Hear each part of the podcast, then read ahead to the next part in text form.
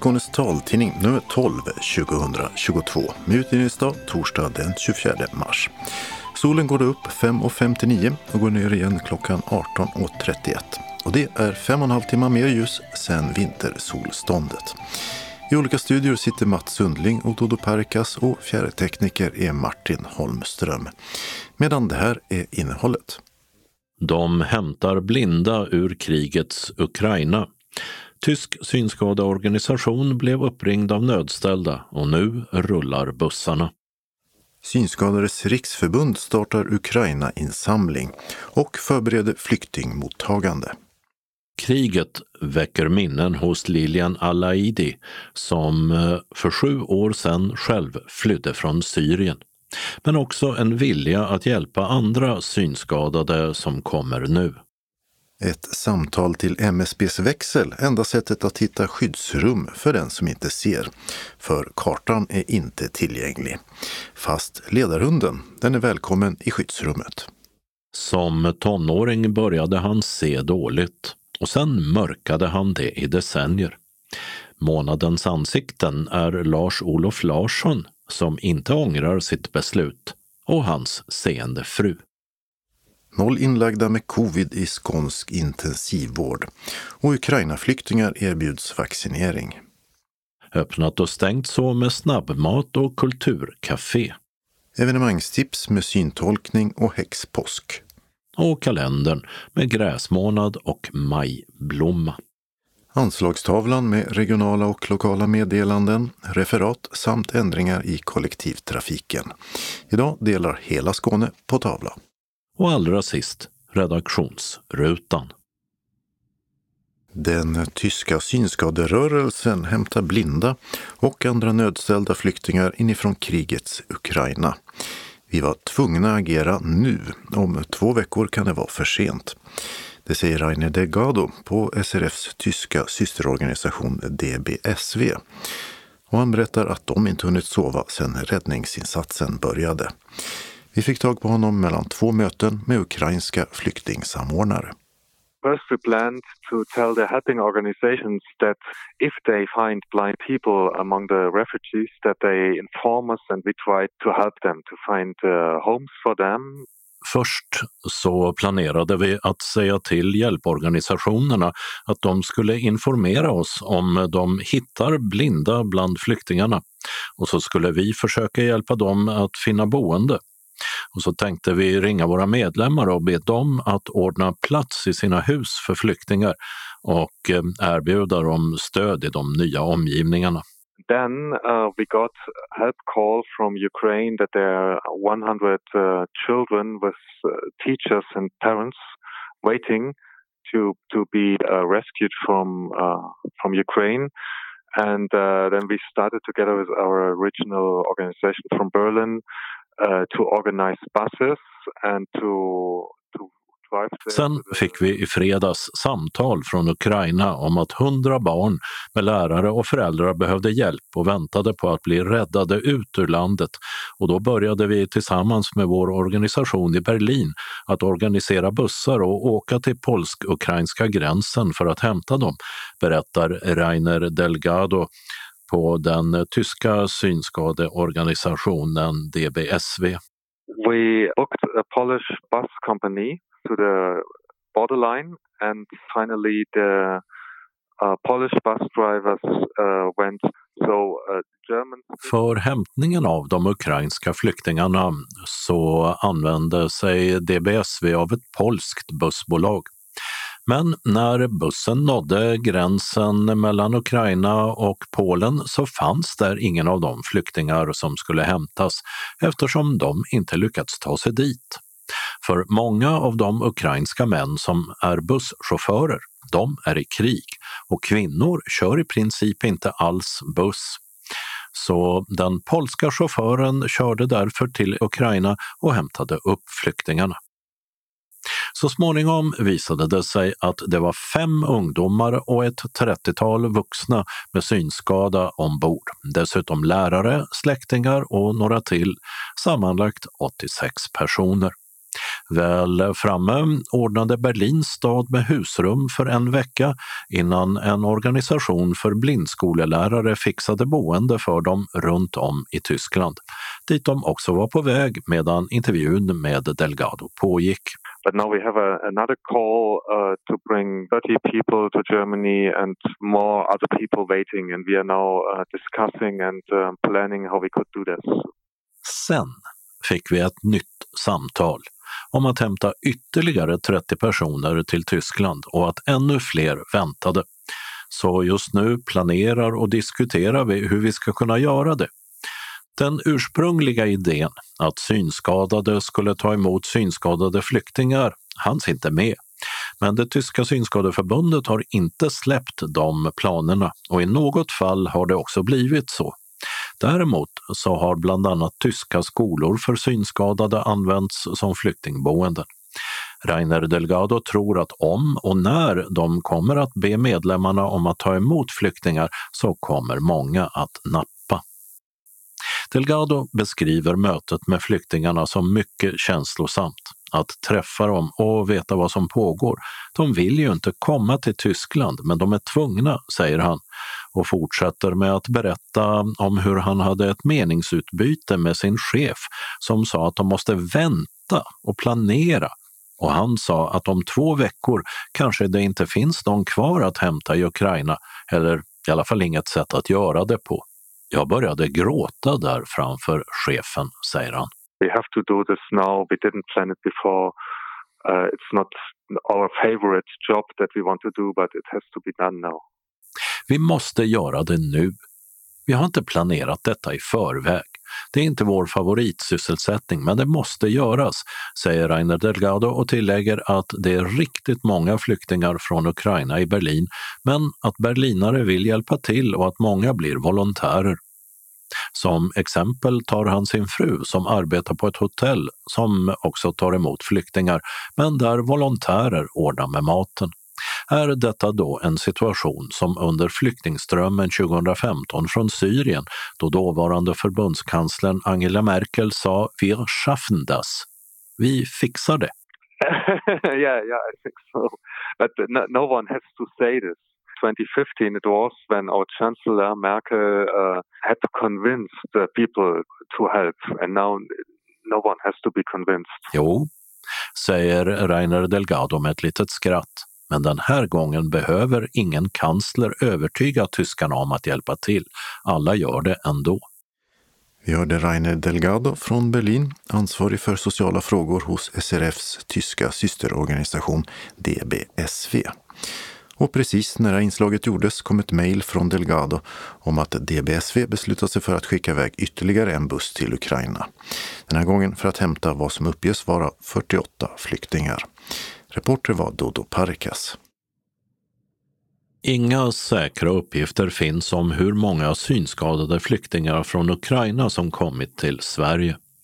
SRF känner till att ett tiotal finns i Stockholm, men de kan komma att flyttas till andra delar av landet. Och några har enligt uppgifter till taltidningen från en flyktingsamordnare kommit till Skåne via Ystad.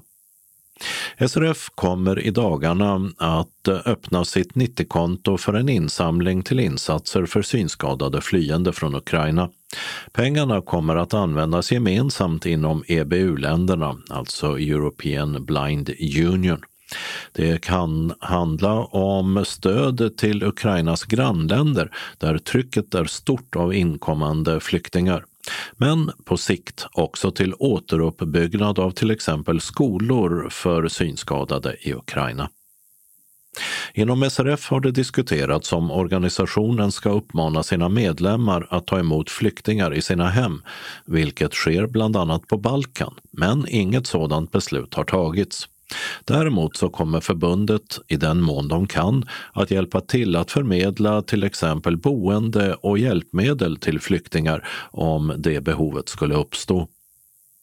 Inom den närmaste tiden ska SRF-distrikten också ha ett möte om lokalt flyktingarbete med synskadade från Ukraina och det ska utses en ansvarig för detta i varje distrikt, säger EBUs generalsekreterare Maria Torstensson tillika SRF Skånes ordförande, till taltidningen. Paraplyorganisationen EBU för Europeiska synskadeförbund har dessutom beslutat att erbjuda den polska synskadeorganisationen finansiering av en organisatör för hjälpen till synskadade flyktingar från Ukraina som kommer till Polen. Ja, nu är miljoner på flykt från Ukraina och tusentals har kommit till Sverige. Förra gången det kom många flyktingar var 2015 då cirka 163 000 personer kom, de flesta på grund av kriget i Syrien. Och en av dem som kom hit och som vi berättat om tidigare är Lilian Alaidi som är gravt synskadad. Hon flydde från Damaskus tillsammans med sin pappa medan hennes man, mamma och syster följde efter något år senare. Liljans flyktväg gick som för så många andra både landvägen och med en liten båt från Turkiet till Grekland. Idag är hon mamma till två barn och när hon nu hör om kriget i Ukraina och alla som är på flykt kommer minnena tillbaka av framförallt hennes små kusiner som var i samma ålder då som hennes egna två barn är nu. Jag kan inte säga att minnen har försvunnit men nu när kom kriget och så till Ukraina. Eh, jag tänker inte på mig själv. Jag har blivit van på krig. Men jag tänker på mina barn. När jag har på min minne mina kusiner som var på samma ålder. När de hör så. Hur springer de? Hur gråter de? Hur blev de rädda? Då är jag mycket rädd för mina barn. Kommer du ihåg eh, vad det var som gjorde att eh, ni tog beslutet att fly? Ja, absolut. Vår lägenhet har blivit eh, gått ut. Det kom på golvet, hela lägenheten. Flygplan har kommit på hela byggnaden. Alltså de bombade lägenheten? Ja, de bombade, ja. Till exempel, vi bodde på en lägenhet, typ 30-40 personer. Allt var konstigt, speciellt för oss som synskadade. Jag var mycket rädd för krig och så. Då bestämde jag att eh, jag måste komma hit. Jag måste leva bättre. Problemet med mina ögon, de har blivit sämre. Jag skulle opereras där. Nästan alla läkare har eh, försvunnit. Flera av dem dog, flera av dem reste. Det fanns inte så mycket läkare. Då bestämde vi att komma hit. Och eh, när man är synskadad i en sån här situation, vad är det som är jobbigast? Att eh, inte veta var kommer bomb? Varifrån? Bakom? Framför? Vem som har drabbats mer? Är det pappa, mamma, syskon, vänner? Vem? Du vet inte vad har hänt nu när det kom, alla skriker och så. Du vet inte, är det precis bredvid dig eller inte? Bara jag hör då eh, uh, röst. Men efteråt, jag har blivit van. Jag kunde inte veta nu. Uh, var ligger den exakt? Men när du flydde, vad fick du med dig? Inget. Medicinen bara, mina droppar. Men alla mina grejer, mina böcker. Jag hade en jättestor bokhylla med punktskrift och kassetter också. Jag tyckte jättemycket att läsa dikter och olika böcker och så. Alla var där i min lägenhet. Mina dockor när jag var liten, mina smink, mina finaste kläder, allt var där. Mina drömmar, det viktigaste, som gick bort där i Syrien. Allt försvann när jag flytt, men nu nej, jag har allt här som jag behöver. Nu har du byggt upp ett, ett nytt liv ja, i Sverige. Jag är jätterädd att uh, också att börja ett nytt liv, men nej, jag ska inte lämna Sverige, aldrig.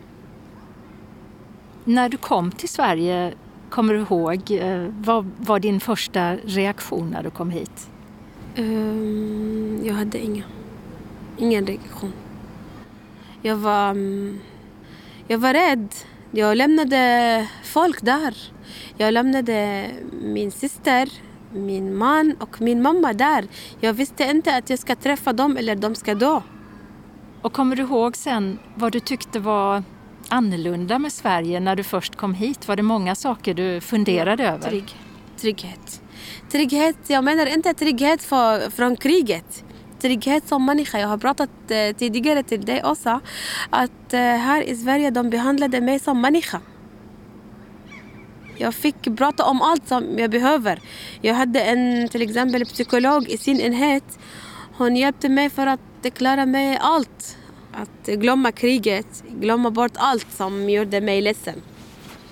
Och vad har hänt med dina minnen nu, för det är sju år sedan du kom? Eh, nu när eh, kriget i Ukraina började eh, tillbakade allt. Kom alla minnen tillbaka? Ja.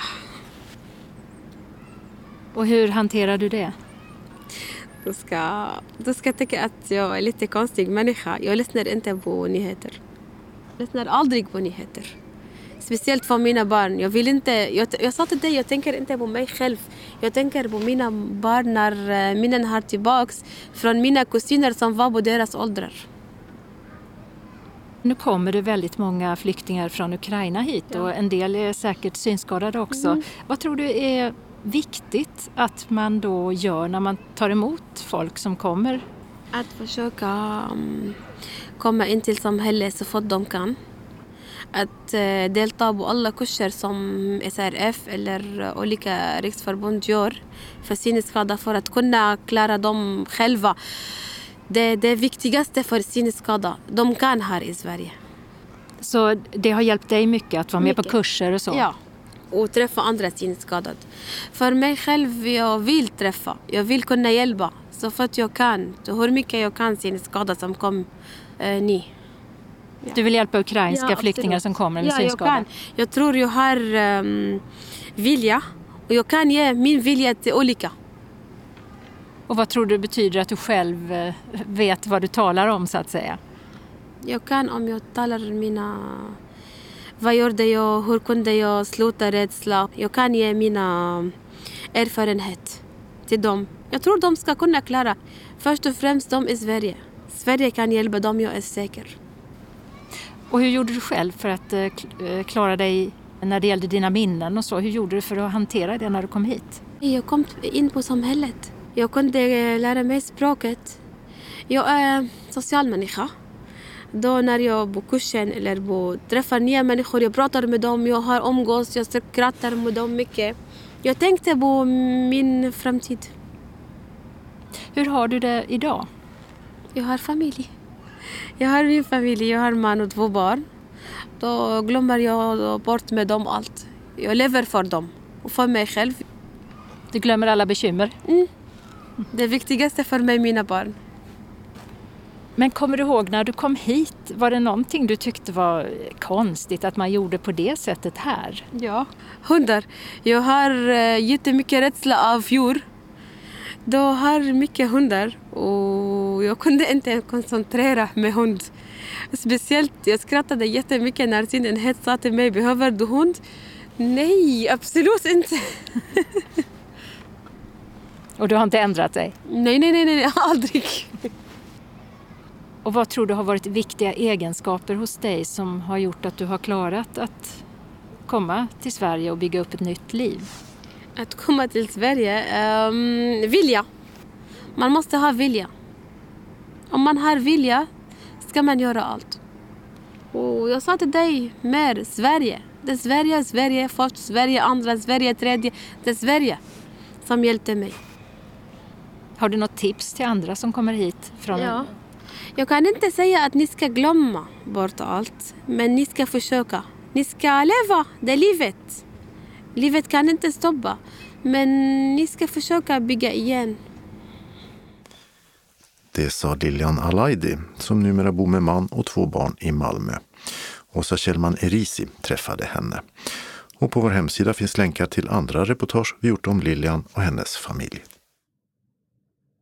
Hur ska en person med synnedsättning kunna hitta sitt närmaste skyddsrum? Ansvariga, Myndigheten för samhällsskydd och beredskap, MSB, har en interaktiv karta på sin hemsida där man kan skriva in sin adress och då få upp alla skyddsrum i närheten. Man väljer själv hur långt man kan tänka sig att gå för att komma till skyddsrummet. Men som krisinstruktör Helene Jangenfelt sa i förra numret är den här kartan inte tillgänglig för den som inte ser. Så Skånes taltidning frågade via e-post MSB hur en synskadad ska kunna få information om var deras närmaste skyddsrum är beläget. Så småningom hörde enhetschef Henrik Larsson av sig och kollade om myndighetens kartor funkar. Det finns... Det, och den funktionen funkar ju inte, nej. Jag tänkte att man får det uppläst. Eh, det får du ju inte.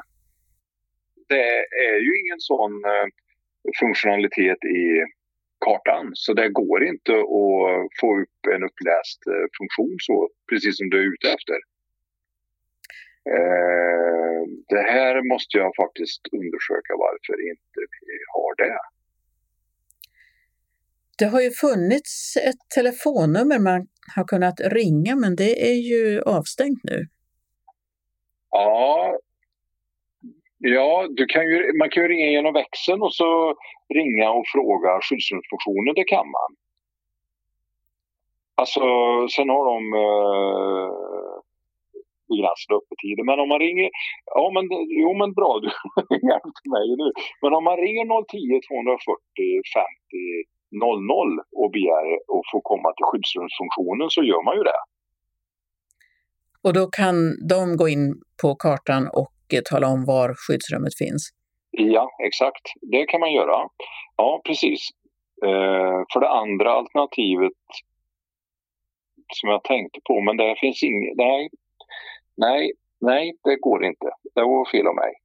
Eh, bara kluriga frågor. Det här var jag, jag har fått så mycket frågor, tusentals frågor, men det här kände jag, det här var bra. Det här var riktigt bra. Eh, mm. Men är det här någonting ni kan göra någonting åt eller har planer på att göra någonting åt? Det måste jag kontrollera. Telefonnumret finns ju, men eh, att göra kartan interaktiv, det, det, måste jag kolla. Det har jag faktiskt inte ens funderat på om man ska vara villig. För den... Ja, och jag kontrollerar här på kartan och, jag, eh, och varit in i våra hjälpmenyer och jag ser att det finns ingen sån funktionalitet. Den ska ju ha varit tillgänglighetsanpassad och jag vet faktiskt inte varför inte kartan blev det. För alla andra sidor är ju det. Men då är frågan också lite varför det här direktnumret eh, inte finns kvar längre utan att man måste gå via växeln som är en omväg och kanske innebär väntetider och ja. så. Ja, och det, det har med att vi gjorde om bemanningen på skyddsrumsfunktionen. Där vi hade ett direktnummer som även eh, leverantörer använde och då märkte vi att det var framförallt eh, man hamnade i kö och det var mycket leverantörer som tog plats för allmänheten när de ringde. Så vi har bättre kapacitet att ta emot samtal när vi går igenom växeln. Så det är motivet. Ring, använd numret så man vet vad skyddsrummet är. Problemet är att man, det finns ju beroende på vart man bor givetvis, att det kan finnas eh, många i närområdet. Då behöver man ju veta olika alternativ för att man behöver ju också, beroende på om man jobbar, så har man ju ett annat skyddsrum där. Så det är väl viktigt att trycka på att du är i behov av ett skyddsrum kanske eh, där du bor och så behöver du ha ett skyddsrum där du jobbar på. Beroende på vad du har för arbetsuppgifter givetvis. Så att man behöver ju ta reda på både och. Många tycker jag gör det här äh, kanske konstiga funderingen med att man tar reda på vart man har närmast skyddsrum när man bor. Men det är lika viktigt att ha, veta vart närmsta är i närheten av arbetsplatsen. I Sverige byggdes skyddsrum från andra världskriget fram till 2003. I nybyggda områden finns alltså inga skyddsrum. Inte heller i områden som dessförinnan inte ansågs vara bombmål för fiender. Och det byggdes inte så mycket skyddsrum att alla svenskar kunde få plats. Så många som möjligt skulle evakueras till säkrare områden. Även evakueringsplaneringen upphörde vid sekelskiftet och det tycker Henrik Larsson faktiskt var lika bra precis de här aspekterna som du lyfter nu med hur man ska tillgängliggöra det här för olika funktionsnedsättningar. Det, det fanns ju ursprungligen inte en tanke på i vissa stycken. Alltså när vi tänker 50-tal och så det kan nog faktiskt vara bra att man utifrån det moderna samhället kan börja ifrån början menar jag. Ja, just det, att man har alla med i planeringen. Ja, ifrån, och ifrån början så att det inte är ett lapptäcke av en gammal planering man lägger på. Om jag nu ska försöka vara positiv menar jag. Sen kan man vara negativ och tycka att eh, varför avvecklar man allting det där? Men det, det var ett resultat av försvarsbeslutet som var i slutet av 90-talet. Det är därför vi inte har byggt skyddsrum sedan 2003. Om man nu hittar sitt skyddsrum, Ja. får, får hjälp av någon av er eller kanske av någon Ja. granne som har tillgång till kartan, får man ta med sig ledarhunden? Ja, det får man. Det är det enda djuret egentligen man får ta med in. Så där kan ingen allergiker komma och... Nej, eh, det kan jag ju inte garantera givetvis som du förstår i en pressad situation. Men det är så regelverket är utformat så att den enda husdjur man tillåter i skyddsrum det är just ledarhundar. sa Henrik Larsson, enhetschef på MSB, Myndigheten för samhällsskydd och beredskap. Och det telefonnummer till myndighetens växel som han nämnde var alltså 010 240 50 00. Reporter var Birgitta Fredén. Så till månadens ansikte som idag är två. Redan i tonåren dolde den tidigare ingenjören och internationella inköpschefen, idag 78-årige Lars-Olof Larsson i Limhamn, hur dåligt han såg. Men till slut gick det inte längre och idag är han blind. Lars-Olov ångrar inte sitt beslut att dölja synskadan. Hans fru Lena däremot tycker att han borde gått ut med det tidigare, men har alltid varit ett stöd för honom. Vi kommer in när bägge är på ett informationsmöte på SRF om vad syninstruktörer kan hjälpa till med. Här pratar Lars-Olov och Britt-Marie Linné tidningsprenumerationer. Det finns ju flera veckotidningar som idag kan få på, på datorn eller i punktskrift. Är de inlästa då alltså med, med ljud?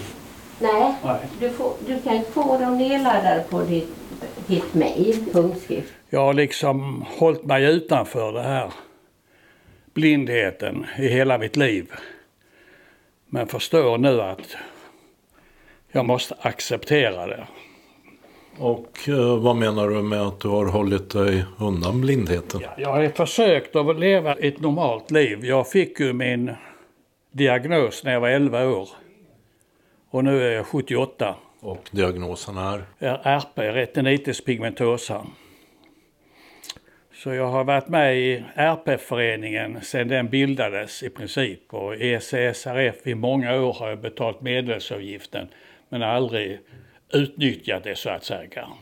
Min släkt är också blinda. Då har du verkligen en historia. Jag har en historia, ja. Och för att få höra mer av den så bestämmer vi att vi ska ses igen. Och någon vecka senare så sätter jag mig i en blommig soffa i Lars-Olof Larssons och hans hustru Lenas trivsamma hus i Limhamn. Min mor kände alltid en enorm skam över att det var hon som hade orsakat mina problem med synen. Att det var från hennes arv som jag hade fått mina problem. Så jag kunde aldrig prata med min mor om mina synproblem. Men jag kunde alltid prata med min far. Hon tyckte ju inte att vi skulle ha några barn. Nej. Och det ville inte jag heller. Jag sa att alltid den första flickan vi fick, ja det är en som kan föra sjukdomen vidare. Hade vi fått två pojkar istället så var sjukdomen försvunnen för vår del. Jag har aldrig haft bekymmer med detta. Jag har sagt att okej, det får bli som det blir. Och våra döttrar, som vi vet, båda två är bärare. De har skaffat tre barn var. Men har liksom tänkt att det finns mycket värre sjukor än detta. Och de har varit medvetna om sjukdomen. Ja. Väldigt medvetna. Och Den äldsta dottern skrev en uppsats. Och den andra dottern hon är läkare idag så att hon, hon följer upp och kollar vad som händer på forskningssidan. Så ser det ut idag, men vägen dit har varit lång och både knagglig och samtidigt fullständigt självklar för Lars-Olof Larsson. Och sen har jag liksom levt med att dölja min sjukdom i hela mitt liv i princip. När jag gjorde, skulle mönstra så jag gick man fasen på att jag skulle göra lumpen jag också. Men eftersom vi hade två regementen i Kristianstad så var jag vansinnigt rädd för kom jag på något av de bägge så var jag tvungen till att ge upp. Men jag lyckades eh, manövrera in mig i flottan och kom då och hamnade på en jagare. Och då hade man inte långt till sängen och man lärde känna sig ganska fort vägen till sängen och ner i maskinrummet. Så det gick jättebra. Jag gjorde lumpen i 15 månader som underbefäl. Minns du fortfarande maskinrummet på båten? Ja. Hur såg det ut? Ja, det var en rund lucka man tog sig igen ner från däck. Och det var en ledare rakt ner.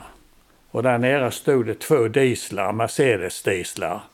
Hjälpmotorer. Det luktar diesel, det luktar gott.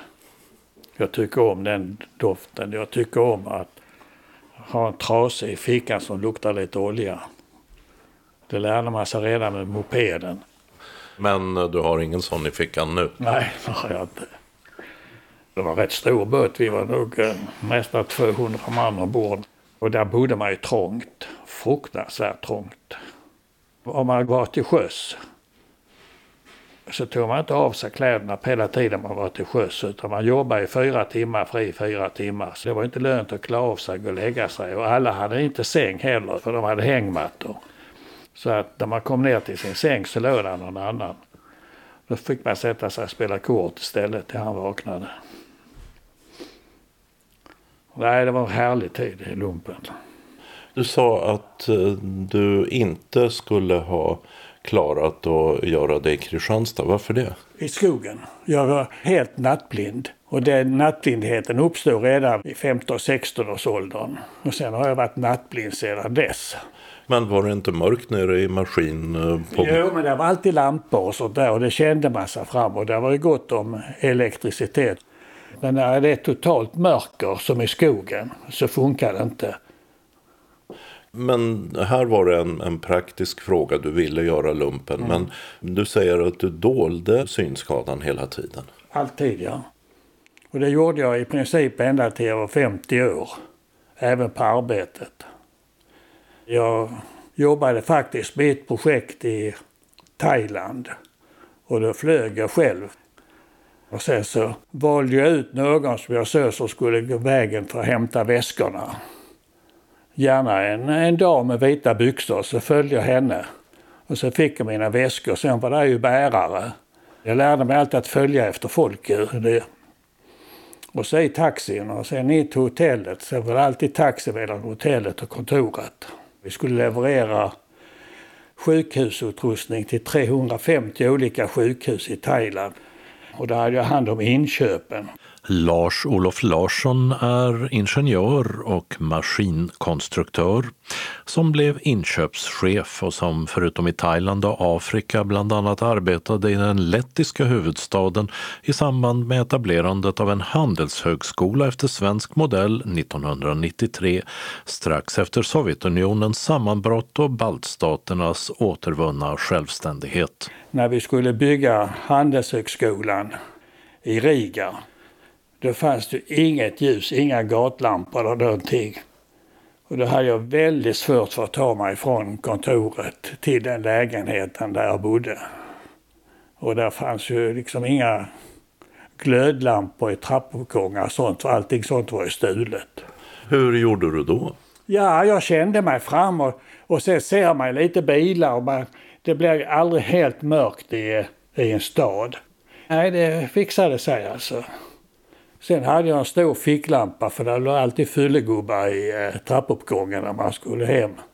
Så man var beredd på att slå dem i huvudet. Om Men det var ett roligt projekt. Det var en eh, renovering av ett befintlig byggnad och tillbyggnad av det. Och det skulle vara lika fint och modernt som Handelshögskolan i Stockholm var. Men var det ett eh, beslut att ingen skulle förstå att du hade svårt att se? Ja, det var ett beslut som jag själv hade tagit. Annars hade de sagt att han är synskadad, han kan vi inte ta med eller sånt där. Det var ett totalt beslut som jag gjorde. Men när Lars-Olof Larsson kom upp i 50-årsåldern, Ja, då fungerade inte den här strategin längre. Och då erbjöd de mig jobb som inköpare i Hongkong. Vi skulle bygga ett hotell och då skulle jag sitta där och handla upp underentreprenörer. Och då skrev jag faktiskt en lapp till min chef hur det var. Och då sa han okej, okay, jag accepterar det. Men sen slutade den chefen. Sen var det ingen mer som visste om det liksom. Sen på slutet då, sista projektet jag var med involverad i, det var i eh, Prag och Brno. Ikea skulle bygga varuhus. Och då, då satt jag där nere och då bodde alla andra på eh, smålägenheter. Men det vägrade jag så jag bodde på håller dig in hela tiden för det var lättare för mig med att fixa mat och sånt där. Kom de och hämtade mig på hotellet och körde mig till kontoret. Och på kvällarna var man ute med kompisar och då höll man sig in till dem liksom. Och inne i städerna så gick det relativt bra. Men uppstod det aldrig en situation där du var tvungen att hugga tag i någon eller göra någonting som gjorde att du blev avslöjad så att säga? Nej, jag tror aldrig. Jag, jag sa ju sådär ibland att jag ser jävligt dåligt, men jag sa ju inte hur dåligt jag såg. För på den tiden kunde jag sitta framför skärmen och jobba. De tyckte väl att jag sprang och snubblade ibland på kontoret. Och, nej, jag lyckades. Det är väl ungefär som alkoholister, de kan ju dölja sin, sina problem hur mycket som helst ju, och hur länge som helst. Och det är precis med mitt, jag tycker det. Men du har varit beroende av eller haft stöd av, av din hustru? Ja, det har ju varit i och med att jag inte slutade köra bil när jag var 40 år. Till dess körde jag bil trots att jag inte skulle ha gjort det ju. Men även mörkerkörning gick bra i och med att jag hade lamporna. Men vid 40 år bestämde jag mig själv för att nu är det slut. Nu ska jag inte köra bil mer. Om du tittar tillbaka, hade du varit hjälpt av att eh, till exempel få anpassade arbetsuppgifter eller, eller hjälpmedel eller någonting sånt och kunnat vara öppen med att du inte såg så bra? Hade det varit bättre? Nej, jag tror inte det. Hade jag talat om det så hade jag säkert inte fått dessa jobben som ökat till Tjeckien och ha hand om inköpen för Ikea. Och det var intressanta jobb, roliga jobb ju. Så jag har haft fantastiskt roliga, trevliga jobb genom tiderna. Dra upp riktlinjerna för sig själv när man kom till en plats. Hur jag ska fixa detta och ska göra detta. Kan jag ta taxi dit och se och se. Man lärde sig att leva med det. Det är mycket man kan. Fanns det någonsin en känsla av att det här med synskadan var någonting skamligt eller något som gjorde dig mindre värd i andras ögon? Eller var alla dina beslut bara praktiska beslut som hjälpte dig att komma vidare? Nej, jag har alltid känt mig att jag inte är att, att lika tuff som de andra alltså. Lite mindervärdig. Jag har inte vågat satsa lika hårt som jag skulle gjort. De andra när vi skulle köra hem så körde de i andra stigar genom skogen och sånt. och Det gjorde inte jag. När, man, när vi hade mopeder och motorcykel. Och, det har förföljt mig på så vis hela ett liv. Men jag har liksom levt med det och försökt jobba, jobba på det. Så det har varit jobbigt rent personligen. Det känns konstigt att sitta och prata om det här nu för jag har aldrig pratat med någon med problem och sånt här. Inte för nu när jag var på sjukhuset när hon skrev ut pappret på att, att jag var blind så frågade hon om jag ville ha en, en eh, kurator. Ja. Men jobbigast är alltså när man ska gå ut nu och man ska gå ut och äta med, med kompisar och sånt där. Och jag får alltid ha lampor med mig numera så att jag dukar upp lampor på bordet. Jag har liksom två olika varianter på det. Och då har jag alltid en känsla av att alla sitter och tittar på, oh, ska han stoppa hela den tuggan i munnen nu? Att de sitter och liksom specialgranskar mig. Det, det tycker jag är jobbigt. Därför är jag inte så glad för att ha gäster och sånt heller, eller gå bort. Det är det jag känner hela tiden. Jag är inte lika bra som andra. Om du skulle rada upp, vad är det som har varit och är glädjeämnen då? Framförallt att jag har haft en bra hustru som alltid har ställt upp. Och jag har lyckats då på jobbet också att manövrera mig själv så jag har kommit till sådana arbetsuppgifter som var trevliga och bra. Jag har ju vetat om detta sedan vi träffades. Att han skulle komma att bli blind. Så det har jag ju haft i bakhuvudet hela tiden. Och vi tänkte att vi skulle försöka göra så mycket trevligt som möjligt och resa medan han kunde se. Och vi planerade för att vi skulle gå tidigt i pension så jag slutade jobba när jag var 60 och Lars-Olof när han var 58 och sen reste vi. Även om han inte kunde se allt så kunde han se ganska mycket. Så vi fick uppleva något år, några år där som vi verkligen fick njuta av att resa. Och de minnen har vi ju nu. Så Lars-Olof säger ibland att han tycker att jag ska ut och resa men vi har rest och jag behöver inte resa så mycket. Vi lever på de här minnena. Ibland tar vi bilen och kör ner till badhus i Tyskland. Och det funkar bra för där får man bada tillsammans. När jag märkte att jag inte kunde gå och bada bastu längre, för jag såg för dåligt när jag kom in i bastun och sånt här. Och det var för 20 år sedan ungefär. Så upptäckte jag att naturisterna hade bastubad en gång i månaden på Sibbarp. Och då gick vi med i naturisterna. Så kunde vi gå där och bada bastu tillsammans med dem. Och sen dess har vi varit naturister. Tycker du att du har fått vara mycket av ett stöd eh, praktiskt i eh, vardagen? Jag tycker ju inte att det är något som jag stör mig på eller tycker har varit jobbigt. Jag, jag är sjuksköterska. Jag är väl en sån person som, eh, vad ska jag säga, är van att stötta andra.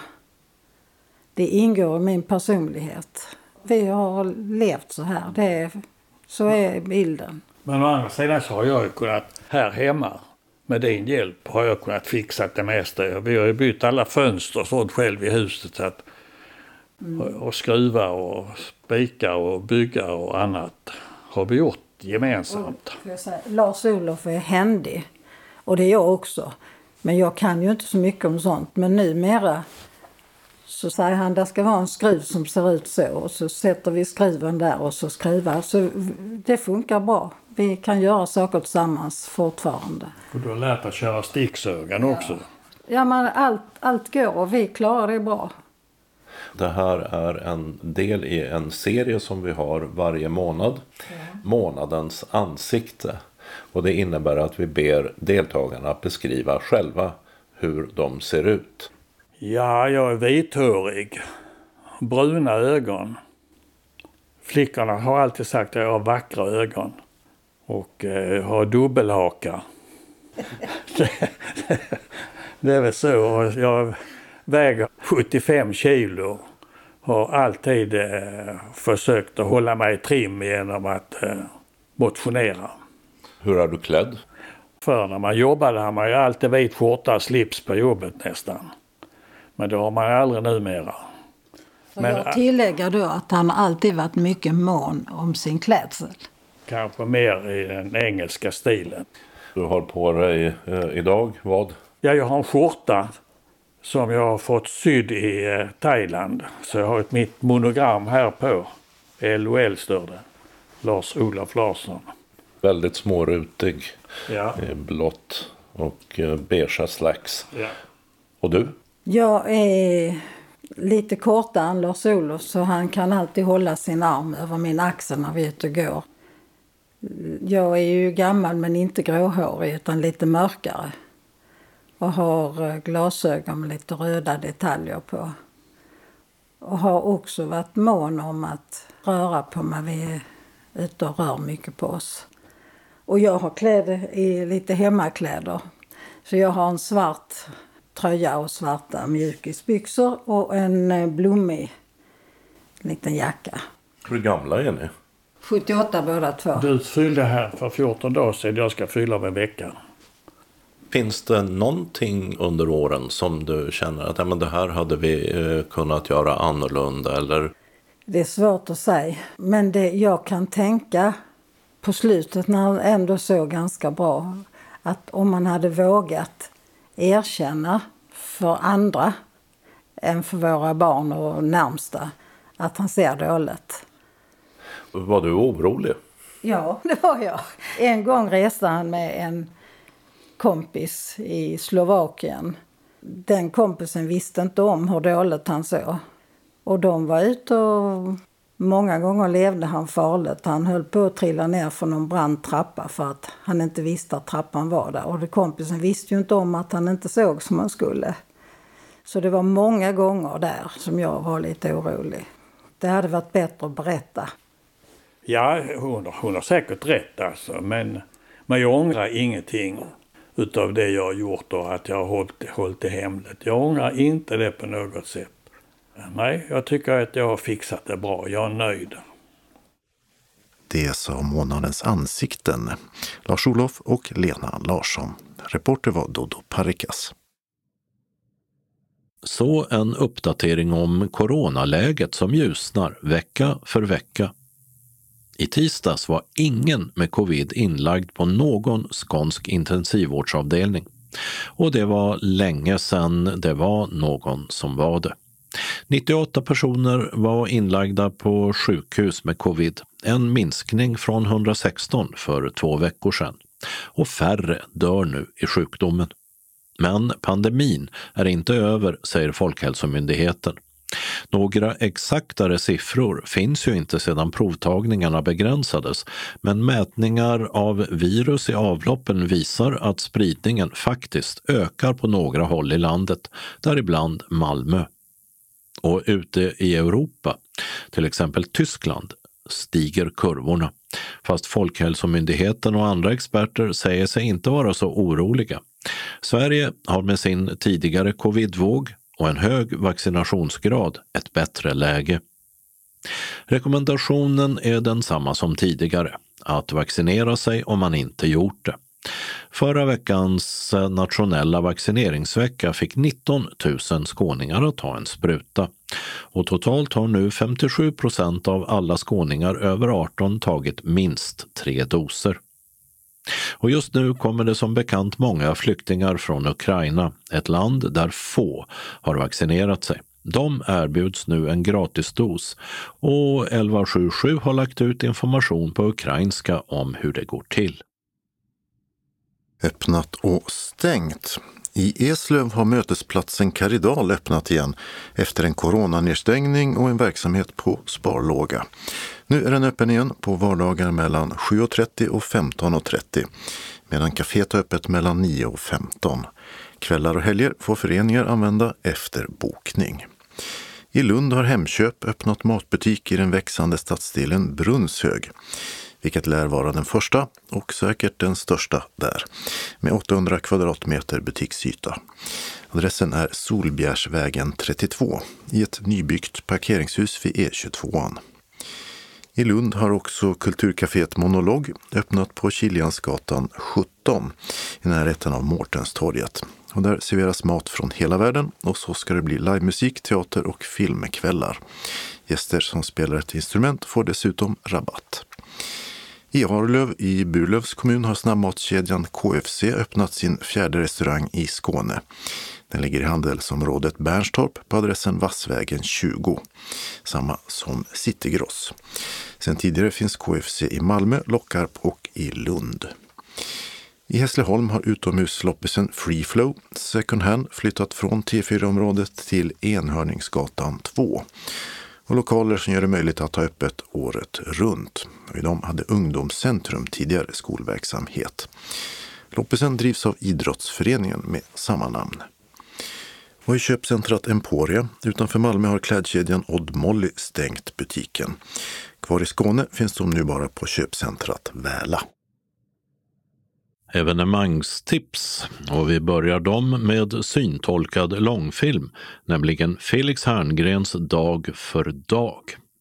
Filmen börjar på ett äldreboende hos pensionärerna Tage, spelad av Thomas von Brömsen. Malte som gestaltas av Sven Wollter och som han avlida innan filmen fick premiär, samt Rut som görs av Marianne Mörk. Tillsammans med vårdaren Katrin, spelad av Martina Haag, samt städaren Simon, William Spets, så åker de ut på en husbilsresa från Göteborg till Schweiz för att uppfylla en mans sista önskan. Filmen har syntolkning för bio, tv, video on demand, VOD och DVD. Inga uppgifter finns dock om eventuella aktuella biovisningar. UR syntolkar tv-serien Sommaren före sexan för grundskolans årskurs 4 6 i 8-10 minuters avsnitt söndagar 14.30 i SVTB, Barnkanalen. Första avsnittet har sänts och hela serien finns även på UR Play. Handling Tolvåringarna Alexandra, Dusan, Tindra och Edvin samlar sig under sommarlovet till hämnd mot Foliemannen som täckt sina fönster med folie och det ryktas dessutom att han dödar katter, lägger dem i frysen och begraver dem ute i skogen. UR syntolkar dessutom tv-serien Grejen med demokrati som riktar sig till klasserna 0 till 3 och ger kunskap om mänskliga rättigheter och vad ett samhälle vinner på att vara demokratiskt. Också den serien finns på UR Play. Mer syntolkat. Teater 23 i Malmö ger några syntolkade föreställningar på Lindängen, också det i Malmö i vår. Först är det Ring ring som spelas på motettens Folkets hus den 27 mars 14.00. Adressen dit är Munkhättegatan 202. Och den 8 maj, samma klockslag, ges När Harry mötte Iggy på Lindängens amfiteater i Lindängsparken. Den föreställningen beskrivs som citat ett musikaliskt vänskapsdilemma under bar himmel. Det är fri entré, men det behövs biljett som hämtas på Lindängen biblioteket. För mer info ring 040 30 32 23 eller mejla info.syntolkning teater23.se. Alltså teater följt av en tvåa och en trea.se. Vi har tidigare berättat att Mikael Wiehe som fyller 76 år i april är ute på sin avskedsturné. Men även den blott 43-åriga artisten Ken Ring gör detsamma. Hans Tack för mig-tour, eller En stund för kärlek, omtanke och medmänsklighet kommer till Storan på Helsingborgs stadsteater den 3 april 19.00. Den konserten flyttades fram ett antal gånger under pandemin och tidigare köpta biljetter gäller. Priset är 350 kronor och det finns platser kvar. Bland mars månads talbokstips från Simrishamns bibliotek fanns Agnes Lidbecks Nikes bok som utspelar sig i den fiktiva orten Kummelvik på Österlen. Och den 5 april 17.30 så kommer Agnes Lidbeck till just biblioteket i Simrishamn för ett författarbesök. Det är ett samarrangemang med ABF.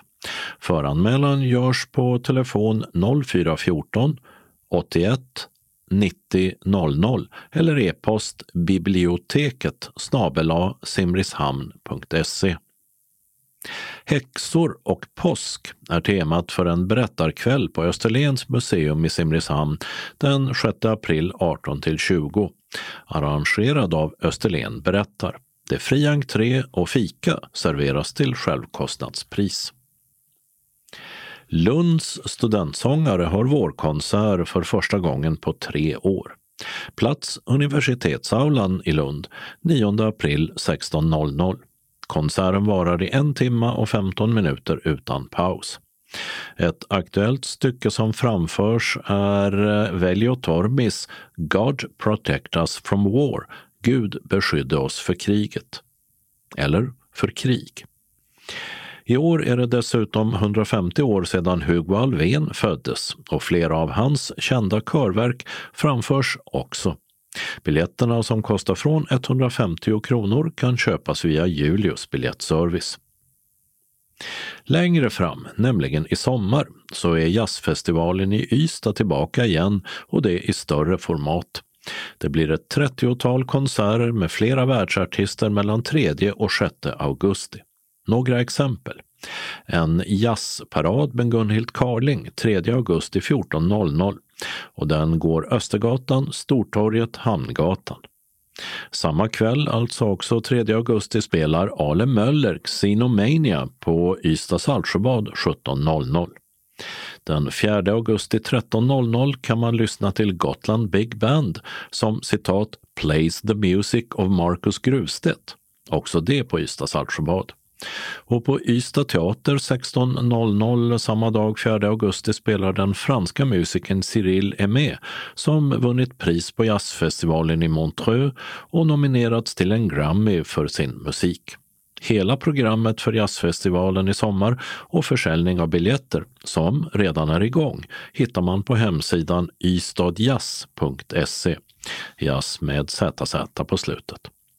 Biljettinformation Julius, telefon 0775 700 400.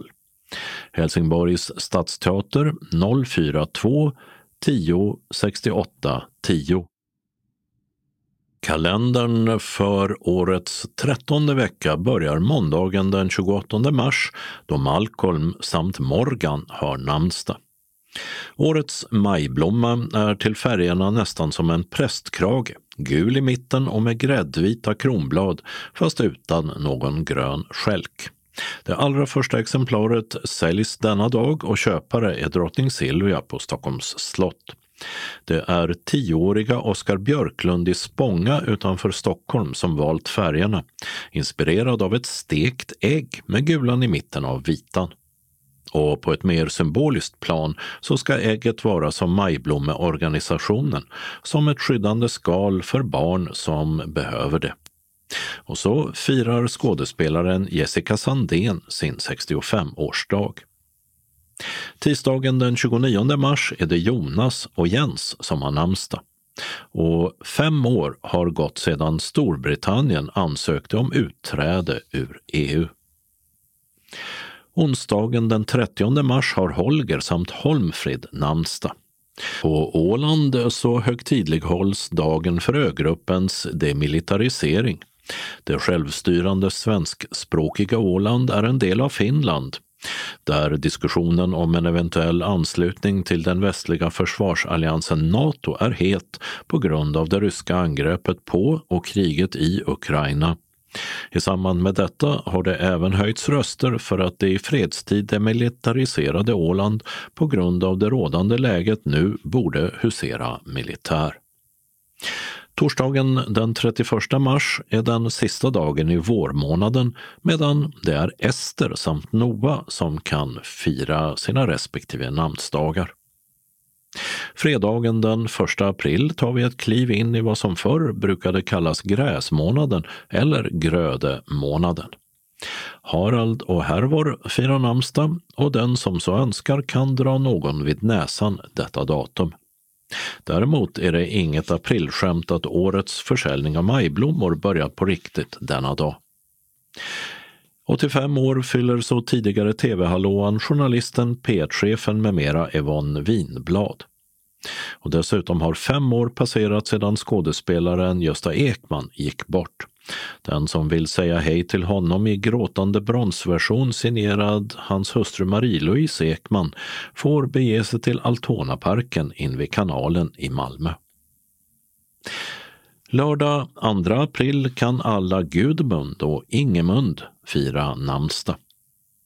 Autism är en neuropsykiatrisk funktionsnedsättning som i varierande grad påverkar kognitiva förmågor, emotionella funktioner och kommunikationsförmåga. Och den 2 april är det världsautismdag instiftad av FN år 2008 för att uppmärksamma och öka kunskapen om autism runt om i världen. I höstas så utkom journalisten Klara Törnvalls bok Autisterna där hon både berättar om sin egen diagnos och tolkar högpresterande kvinnors så kallat avvikande beteende som sprunget ur just autism. Boken Autisterna med undertiteln Om kvinnorna på spektrat finns både som talbok och i punktskrift. Och på dagen för 40 år sedan besatte Argentina Falklandsöarna, eller Malvinerna, som sorterar under Storbritannien, men som Argentina gjorde anspråk på. Falklandskriget som det kallades krävde 649 argentinska och 255 brittiska liv och därav tre civila innan det avslutades med att britterna behöll överhögheten över ögruppen långt nere i sydvästra Atlanten. Söndagen den 3 april sätter punkt för vecka 13 och det är Nanna samt Ferdinand som har namnsdag. Äppelkäckhet var på modet i USA på 1950-talet och det var den blonda stjärnan Doris Days storhetstid. Redan på 30-talet så sjöng hon bland annat storbandsjazz för att senare göra filmkarriär. Detta datum skulle Doris Day ha fyllt 100 år, men hon gick bort 2019. Den regionala anslagstavlan börjar vi med att SRF Skåne inbjuder till årsmöte. Lokalföreningarnas ombud, distriktsstyrelsen, valberedningen, beredningsutskottet samt revisorerna är kallade till SRF Skånes representantskap enligt nedanstående. Plats Hotell Statt på Fryckholmsgatan 13 i Hässleholm. Tid lördag den 23 april klockan 10 till 15. Förmiddagskaffe serveras från 9.30, eftermiddagskaffe från klockan 15 och hemresa kan beställas tidigast till klockan 15.30. Medlemmar som inte är kallade inbjuds att närvara på representantskapsmötet. Medlemmar som inte är kallade har bara närvarorätt. Mötet kan i undantagsfall bevilja en närvarande yttranderätt under en specifik punkt. SRF Skåne står för för och eftermiddagsfika samt lunch.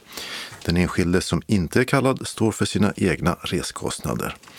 Den som önskar delta måste anmäla detta till SRF Skånes kansli på telefon 040-777 75 eller via e-post till srfskane srfskane.se senast den 4 april. Vid anmälan ska du uppge om du behöver ledsagare, om du har behov av specialkost, har ledarhund eller om det är något annat som är viktigt för oss att veta. Om du har med egen ledsagare får du själv stå för dennes förtäring som du betalar på plats direkt till restaurangen. Om du önskar handlingarna till representantskapsmötet så meddela detta i samband med anmälan. Välkommen hälsar styrelsen för SRF Skåne. SRF Skåne hälsar också välkommen till vår syntolkade föreställning av Så som i himlen på Malmö Opera söndag den 12 juni. Föreställningen börjar klockan 16. Du bör vara på plats på adressen Östra Rönneholmsvägen 20 i Malmö redan klockan 15 för att hänga av dig, eventuellt beställa något till pausen och framförallt träffa vår syntolk och få din utrustning. Biljettpriset är 725 kronor och din ledsagare medföljer utan kostnad. Musikalen är i två akter under cirka tre timmar inklusive paus. Och den gjorde stor succé vid urpremiären häromåret och hyllades av såväl kritiker som publik. Här i regi av Edvard av Silén som kommer att maxa denna feelgood berättelse. Musikalen är baserad på Kai Pollaks älskade film med samma namn. En berörande berättelse om att hitta hem, om hur musik kan föra människor samman och kraften i den gemensamma körsången. Handlingen. Daniel Dareus är en hyllad och internationellt erkänd dirigent när musiken en dag inte längre drabbar honom. Han återvänder till den norrländska by där han föddes för att leva ett stilla liv bortom alla krav. Daniel möter byns färgstarka invånare och låter sig slutligen övertalas att leda kyrkokören. Han möts av både vänskap och gammal fiendskap men också av den sanna kärleken. Medverkar på scen gör bland andra Fredrik Lycke, Ester Hedlund, Jenny Holmgren och Rolf Lydahl. Du kan betala in din biljettkostnad till bankgiro 484-0989 eller med swish på nummer 123 312 6299. Skriv ditt och aktivitetens namn. Vill du ha en inbetalningsavi eller ledsagare, säg till när du anmäler dig. SRF Skåne står för dina reskostnader efter kvitton inkommit senast tre månader efteråt, samt endast inom Skåne. Bor du utanför Skåne betalar vi bara för kostnaden från länsgränsen. Anmäl dig snarast, dock senast torsdag den 31 mars till SRF Skåne på telefon 040-777 75 eller e-posta srfskane srfskane.se. Bekräftelse skickas ut efter sista anmälningsdatum och biljetterna delas ut på plats. Har du några frågor kan du ringa Maj-Britt Ryman på 070-324 66 09. Och hemresa bokas från cirka 19.30. Hoppas vi ses på Malmö Opera i juni. Hälsar SRF Skåne och arbetsgruppen Kultur och fritid. SRF Malmö Svedala erbjuder dig en resa mellan hägg och syren. Den går från Malmö till Almåsa havshotell. Visst vill du följa med? Vi reser torsdag den 2 juni cirka klockan sju och vårt stopp på vägen blir Jönköping. Där äter vi lunch och besöker John Bauer-utställningen Följa John som är anpassad för synskadade. Vi stannar för bensträckare och busskaffe och når Almåsa till middagen. På fredagen kan du vara kvar och ha det skönt eller så kan du följa med till Stockholm. Efter frukost åker vi till Moderna och Nationalmuseum för syntolkad guidning. Bussen fortsätter till Vasa och ABBA-museet för de som vill. Vi kommer att ha matpaket med oss till lunch.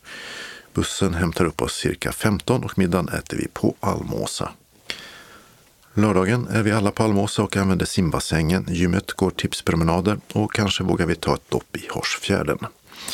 Söndag den 5 juni äter vi frukost, checkar ut och lägger bagaget i bussen innan vi äter lunch. Hemresan avgår 13.15 och det blir busskaffe efter vägen och ett stopp för middag. Bussen har rullstolslift och rullator och rullstol förvaras i bagaget. Matstoppen med bussen är bokade med bordservering. Du väljer mellan kött, fisk eller vegetariskt och kaffe serveras efter maten. Och vi har ledsagare som följer med. Två av dem är även utbildade syntolkar som kommer att syntolka under bussresan för den som vill lyssna. Du bor i dubbelrum. Det finns endast något enstaka enkelrum. Resan kostar 1200 kronor om du är medlem i SRF Malmö Svedala. Och i priset ingår alla måltider, fika och entréavgifter. Priset för ej-medlemmar är 10 000 kronor. Dock går platserna först till våra medlemmar. Första dagen för anmälan är måndag den 28 mars klockan 8.30. Endast per telefon 040-25 05 40. Och den sista är fredag den 22 april och därefter är anmälan bindande. Berätta om du behöver ledsagare, har allergier eller behov av specialkost, om du har rullator eller rullstol och berätta också vad du vill göra på fredagen. Vi skickar ut bekräftelse, information om betalning och deltagarförteckning innan resan. Vill man inte stå med på förteckningen meddelar man det. Har du frågor kring resan kan du ringa Maj-Britt Ryman 070-324 6609 eller Mikael Werngren 076 191 04 66. Hoppas du vill följa med oss, hälsar styrelsen för SRF Malmö Svedala. SRF Malmö Svedala inbjuder också till en syntolkad teaterföreställning på Intiman, Östra Renholmsvägen 22 i Malmö. Varför älskar ingen de lesbiska? Detta torsdag den 5 maj klockan 19 med samling 18.15. Ordinarie pris är 340 kronor, pensionär 320 och student 170. Betalning sker med inbetalningskort, men det går också bra att swisha till nummer 123 077 80 50 senast 20 april. Biljetterna delas ut på plats. Handlingen. Välkommen till en nyskriven humoristisk odyssé i ett lesbiskt universum. Med värme och komik utforskas lesbiskhetens med och motgångar. Föreställningen är en timme och 30 minuter lång och medlemmar från andra delar av Skåne är också välkomna. Och för medlemmar utanför Malmö utgår reseersättning från SRF Skåne för resorna utanför Malmö när kvittot har skickats in inom tre månader. Anmäl dig till SRF Malmös kansli 040 25 05 40 eller e-posta info srfmalmo.se senast fredag den 1 april. Och berätta då om du behöver lur och eller ledsagning. Hjärtligt välkomna önskar styrelsen. Så har vi ett referat. SRF Lundabygden avhöll sitt årsmöte lördag den 12 mars på Örestads golfrestaurang i Lomma. Sammanlagt 44 deltagare, 31 röstberättigade, 9 stödjande och 4 ledsagare bänkade sig vid trevligt dukade småbord. En tyst minut hölls för att hedra minnet av avlidna medlemmar och reflektera över det pågående kriget i Ukraina. Årsmötet öppnades av ordförande Rune Persson som efter sedvanliga inledande punkter på dagordningen överlämnade ordet till förhandlingsledaren Anders Mordell. Efter diverse diskussioner och omröstningar där valberedningens förslag inte följdes fullt ut fick den nya styrelsen följande sammansättning. Anders Mordell, ordförande och Anders Månsson, Ann-Kristin Fast, Bo Brandin, Kristina Mattsson Kujic, Hans Simonsson och Rune Persson som övriga ledamöter. Några punkter på dagordningen, bland annat motioner och val av valberedning, flyttades till föreningsmötet i maj. Efter avslutade årsmötesförhandlingar serverades en uppskattad måltid. Och efter huvudrätten underhöll Anders Birgersson och Roland Gottlow med sång och musik. Mätta och belåtna efter ett väl genomfört årsmöte kunde deltagarna återvända hem ganska sent. Rapporterar Ann-Kristin Fast, Birgitta Ekenberg och Torgil Möller. Så har vi några tillfälliga ändringar i kollektivtrafiken och vi börjar med tågen. I helgen ska det banarbetas mellan Malmö och Lund under nätterna. Från lördag den 26 mars klockan 23.03 till söndag den 27 mars klockan 7.55. Och sen från söndagen klockan 21.03 till måndag den 28 mars klockan 4.53 på morgonen. Under de tiderna är Pågatågen och Öresundstågen inställda mellan Malmö C och Lund C. En del andra tåg som brukar köra sträckan, till exempel mellan Lomma och Hylje, liksom Öresundstågen till och från Göteborg som stannar i Kävlinge istället. Bussar ersätter. Sen börjar ett annat spårarbete mellan Malmö, Lomma och Furulund från måndag den 28 mars klockan 20.50 till tisdag den 29 klockan 4.50. Och sen från tisdag till onsdag samma klockslag. De flesta tågen är inställda och bussar ersätter mellan Malmö C och Kävlinge via Lomma och Furulund. Samma tider, fast mellan 30 mars och 1 april, är de flesta Pågatågen inställda på sträckan Malmö-Åstorp och bussar ersätter via alla mellanstationer. Mellan Helsingborg och Hässleholm ska det banarbetas på nätterna den 28 mars till fredag 1 april mellan klockan 20.40 och 04.00. Pågatågen kör då en annan bana och stannar inte i Ramlösa, Påarp, Mörarp och Bjuv. Onsdag och torsdagnätterna är pågatåg mellan Helsingborg och Hässleholm dessutom inställda. Bussar ersätter. Bussarna så. I Båstad bygger man nu om regionbuss 501 och 523 hållplats Torget läge B som ersätts av läge A som blivit klar. Och den ligger på Köpmangatan cirka 200 meter österut och blir ny starthållplats för linje 501 mot stationen till. Eller så kan man gå ytterligare 200 meter fram till Båstad busstation. Så ska det vara där till den 5 april klockan 16. I Uppåkra vägarbetar man på Gamla Lundavägen och fram till den 1 april klockan 16 är hållplatsen Bergströmshusen läge B stängd. Den som reser med regionbussarna 102 och 130 kan istället använda hållplatsen Väståkravägen B. Och den ligger 700 meter söderut på Gamla Lundavägen. Och I Malmö till sist börjar ett arbete på Strandgatan klockan 7 på måndag den 28. Och det stänger stadsbuss 34s hållplats Stranden läge A. Resenärerna hänvisas till en tillfällig stolpe på vändslingan söder om korsningen med Linnégatan det vill säga cirka 100 meter åt sydväst. Och så ska det vara där till den 8 april klockan 16. Den lokala delen av anslagstavlan är idag gemensam för hela Skåne. Och den börjar med att SRF Malmö Svedala välkomnar till sin dagverksamhet. Måndag den 28 mars klockan 13 till 15 blir det tidningsläsning och eller frågesport. Tisdag den 29 13 till 15.15 15 blir det bingo. Vi serveras kaffe och smörgås eller kaka för 10 kronor. Och vi vill att alla anmäler sig till kansliet 040 25 05 40 om man tänker komma. Senast klockan 10 samma dag. Och känner man sig sjuk så stannar man hemma. SRF Malmö Svedala har också en fredagsträff om Tomteboda blindinstitut. Kom till föreningen på Vännäsfridsgatan 13 i Malmö fredag den 8 april klockan 13. Britt-Marie Linné och Ulla-Britt Rönnhage har i mitten av 1900-talet tillbringat skolåren på Tomteboda blindinstitut, en internatskola för synskadade och blinda barn. Vi vill gärna berätta om livet i den här miljön och ta fram det som var bra eller mindre bra. Vi inleder med kaffe och kakor och du kan räkna med att åka hem 15.30. Denna träff kostar 25 kronor och den betalar du kontant när du kommer. Om du tycker att det här verkar intressant så anmäl dig till kansliet senast tisdag den 5 april. Varmt välkomna önskar Britt-Marie och Ulla-Britt. SRF Malmö Svedala önskar också välkommen till föreningen onsdag den 13 april klockan 13 för att fira påsken och äta en god påsklunch. Det kommer att serveras en påsktallrik som bland annat innehåller ägg, köttbullar, potatis, sill och massor av annat gott. Och detta avrundas med kaffe och en påskbakelse. Som medlem betalar du 150 kronor. Priset för icke-medlemmar är 200. Färdtjänsthem kan beställas till senast klockan 16.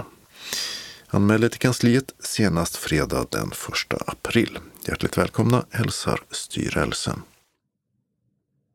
SRF Västra Skåne inbjuder till torsdagsträff den 31 mars klockan 14 till 16 i SRF-lokalen i Helsingborg. Idag blir det något annat. Tårta serveras som dagens fika. Avgiften är 30 kronor och anmäl dig till kansliet senast måndag den 28 mars klockan 12 på telefon 15 83 93 eller via e-post till srf.monica telia.com. Välkomna! SRF Västra Skåne bjuder också in till påskfest med bingo onsdag den 6 april klockan 13 till 16 i SRFs lokal i Helsingborg. Deltagaravgiften är 50 kronor och brickorna kostar 10 kronor styck. Vi börjar med en lunchtallrik med kokt potatis, kokt ägg, löksill, en bit lax med dillkvist, rom eller annan laxsås, salladsblad, gurka och tomatklyfta. Till lunchen serveras lättdryck, citron, vatten eller lättöl.